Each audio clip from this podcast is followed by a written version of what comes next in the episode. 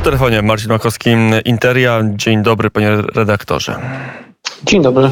Pan śledzi z perspektywy polskiej, co prawda, ale politykę amerykańską.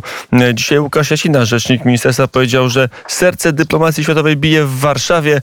Mamy konferencję wiceprezydent Kamala Harris i Andrzeja Dudy w Belwederze. Na ile te relacje między Stanami a Polską w tej chwili, między tymi dwiema ekipami, różnymi od siebie, w tej chwili są zbieżne i bliskie?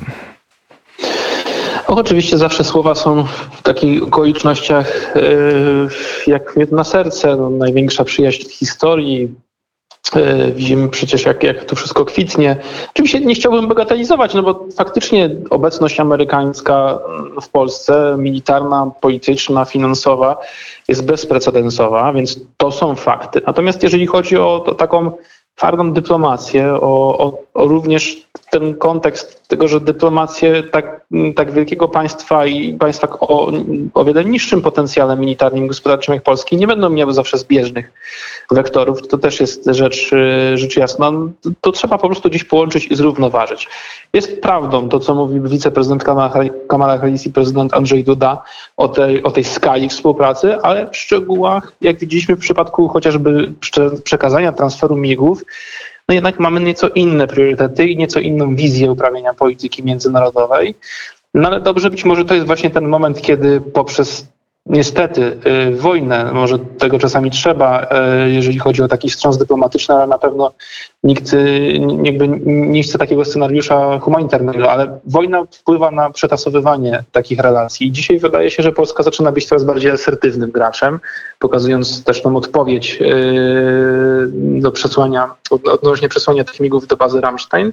No i cieszy mnie to, że, że jest taka pozycja Polski, która staje się graczem, a nie przedmiotem gry, chyba coraz bardziej jest widoczna i sam fakt, jak wielu teraz głów państwa, premierów, szefów rządu przylatuje do Polski, no też tą pozycję potwierdza. Na ile jest tak, że Waszyngton pogodził się, że w Warszawie rządzi taka, a nie inna opcja i tacy, a nie inni politycy, bo początek wydaje się był z tego powodu również dość, dość trudny, dość wspomnieć tylko sprzed paru miesięcy artykułów Rzeczpospolitej ministra spraw zagranicznych Zbigniewa Rała, który zarzucał, że Amerykanie nie chcą z Warszawą w ogóle rozmawiać.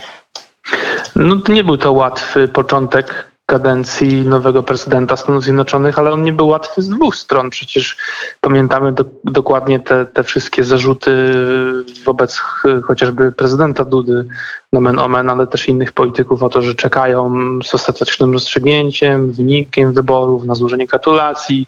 Już cała Ameryka właściwie wiedziała, że to jest koniec i prezydent Donald Trump przegrał. Bardzo bezalternatywnie postawiliśmy na, na prezydenta Trumpa. No i stąd ten, ten, ten początek, który nie należał do, do najłatwiejszych z obydwu stron, no ale dzisiaj historia pisze się na naszych oczach, czas przyspieszył. E, w ciągu tygodnia, dwóch tygodni potrafi się wydarzyć tyle, ile w ciągu pół roku w dyplomacji. No i też rozumiem, że po prostu obydwie administracje niejako pogodziły się z tym, że się e, muszą porozumieć, bo po prostu nie ma alternatywy dzisiaj, bo Polska jest na takim odcinku geopolitycznym, jest liderem wschodniej flanki na to, że po prostu musi być dowartościowana militarnie i finansowo, patrząc też na tą bezprecedensową skalę uchodźców. I cieszyć może to, że również prezydent Joe Biden wydaje się, że zmienił swoją optykę wobec Europy, wobec NATO. Stał się znacznie bardziej asertywny, jeżeli chodzi o Rosję. Dzisiaj Ameryka też przewodzi tym sankcjom, które, yy, które ciągną na rosyjską gospodarkę i są tą, tą wojną dyplomatyczną, którą trzeba prowadzić z agresorem.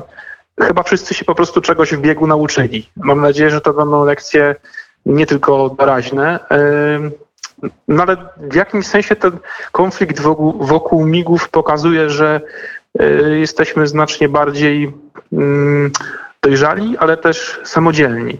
I Amerykanie chyba właśnie to cenią i, i nawet gdy dosyć ostro odpowiadają, chociażby mowa o, o, o przekazie rzecznika Pentagonu, to jednak ostatecznie starają się swoją kontrpropozycję modyfikować.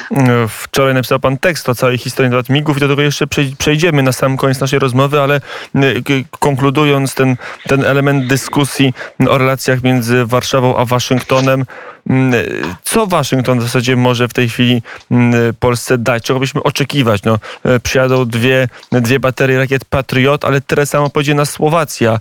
Z całym szacunkiem dla naszych południowych sąsiadów, Słowacja trochę mniejszy kraj, trochę krótszą ma granicę z Rosją. Czy to nie jest tak, że jednak cały czas ta, ta współpraca nie jest tak na pełnych obrotach, jak mogłaby być, że cały czas tych wojsk jest za mało i sprzętu jest za mało wobec potrzeb? Tak, wydaje mi się, że na pewno docelowo te, te, te, tych wojsk powinno być więcej, bo nie jest jakby proporcjonalne uwzględnienie ciężaru odpowiedzialności humanitarnej oraz ciężaru y, odpowiedzialności militarnej przy równoczesnym założeniu, że zrównoważyć może to mm, wysłanie dwóch baterii rakiet Patriot. To jest kropla w morzu potrzeb. Również z zaspokojeniem potrzeb obronności Polski nie jest przyspieszenie sprzedaży 250 Abramsów, ani przyspieszenie sprzedaży F-35 ten sprzęt potrzebny jest tu i teraz, w tej chwili, a nie za rok, nie za grube miliardy złotych, które y, w tej chwili Polska, potrzeb, których Polska potrzebuje, aby ratować Europę przed, y, y, przed wojną i przed niekontrolowanym przepływem uchodźców. To jest mm, zawsze ten, ta pięta achillesowa relacji polsko-amerykańskich, które są świetne na takich konferencjach i w słowach, ale zdecydowanie nadal jeszcze Y, nie, nie, do tych słów i do ich skali nie dorasta realne zaangażowanie się Amerykanów. I nie chcę tutaj podważać strategii tego sojuszu i jego wartości, bo to nie o to chodzi. No ale jest jednak duży problem w braku proporcji. Jeżeli Amerykanie chcą jednak tutaj się w, jakiś, z jakimiś bazami zlokalizować w Polsce, to zawsze był ten problem, że przy granicy z Niemcami, a nie przy granicy z Białorusią albo z Rosją chyba w tym momencie już dłużej się nie da mm, pudrować tej sytuacji. I również Ameryka, poza wizytami, które łechcą naszego i są na pewno potrzebne, no musi też te buty na ziemi postawić. I to nie jedną nogą, ale obydwoma, bo po prostu to jest też w interesie Waszyngtonu, aby Polska i cała flanka NATO była bezpieczna, a nie tylko w interesie, nie wiem, tej czy innej frakcji politycznej w Polsce. Mm, przy telefonie Marcin Makowski, dziennikarz Interia, szef działu wydarzeń albo opinie, ale to już nie pamiętam, ale ważny dziennikarz ważnego e, portalu. E, napisałeś tekst o, o tej całej historii z migami 29 kto wyszedł przed szereg właściwie?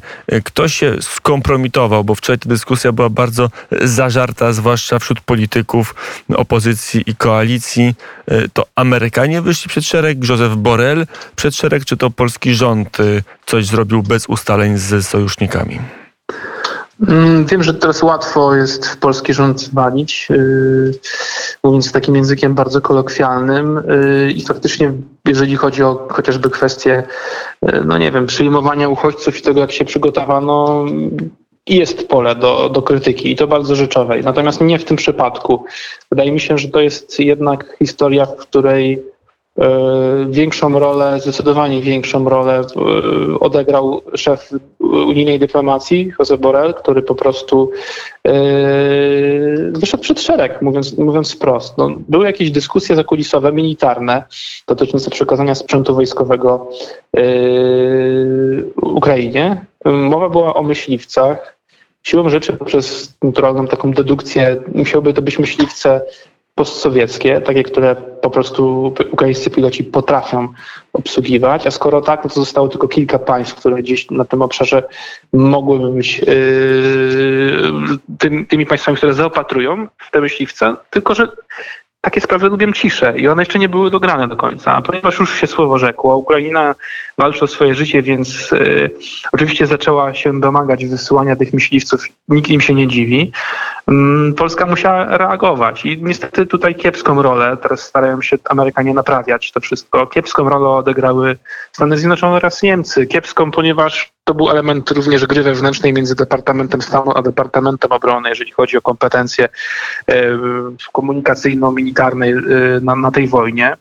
Widać było, że jedno mówi sekretarz Antony Blinken, który z tym słynnym gdzie w amerykańskiej telewizji powiedział o zielonym świetle dla państw NATO na przekazanie myśliwców. Co innego mówi Lloyd Austin, y, sekretarz obrony Stanów Zjednoczonych.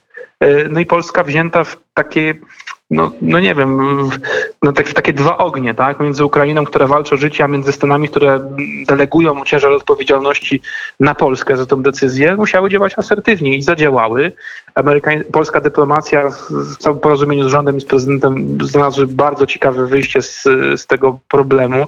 Niestety nieciekawe dla Ukraińców, bo ostatecznie te, te, te myśliwce nie zostaną przekazane, ale to nie jest wina Polski. No i przeniesiono ten ciężar odpowiedzialności na Niemcy, na Stany Zjednoczone i nagle się okazało, że jest ona zbyt, ta akcja jest zbyt ryzykowna, zagraża niebezpieczeństwu NATO i byłoby w sobie włączeniem się w wojnę po stronie Ukrainy.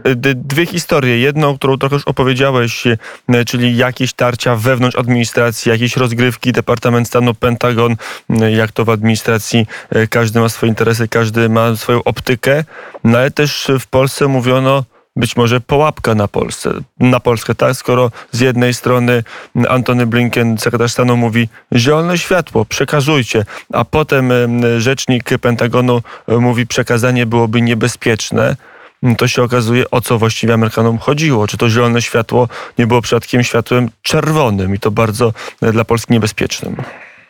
No, można takie wnioski wyciągnąć i to jest też lekcja dla części polskiej opozycji, komentatorów i niektórych dziennikarzy, którzy tak błyskawicznie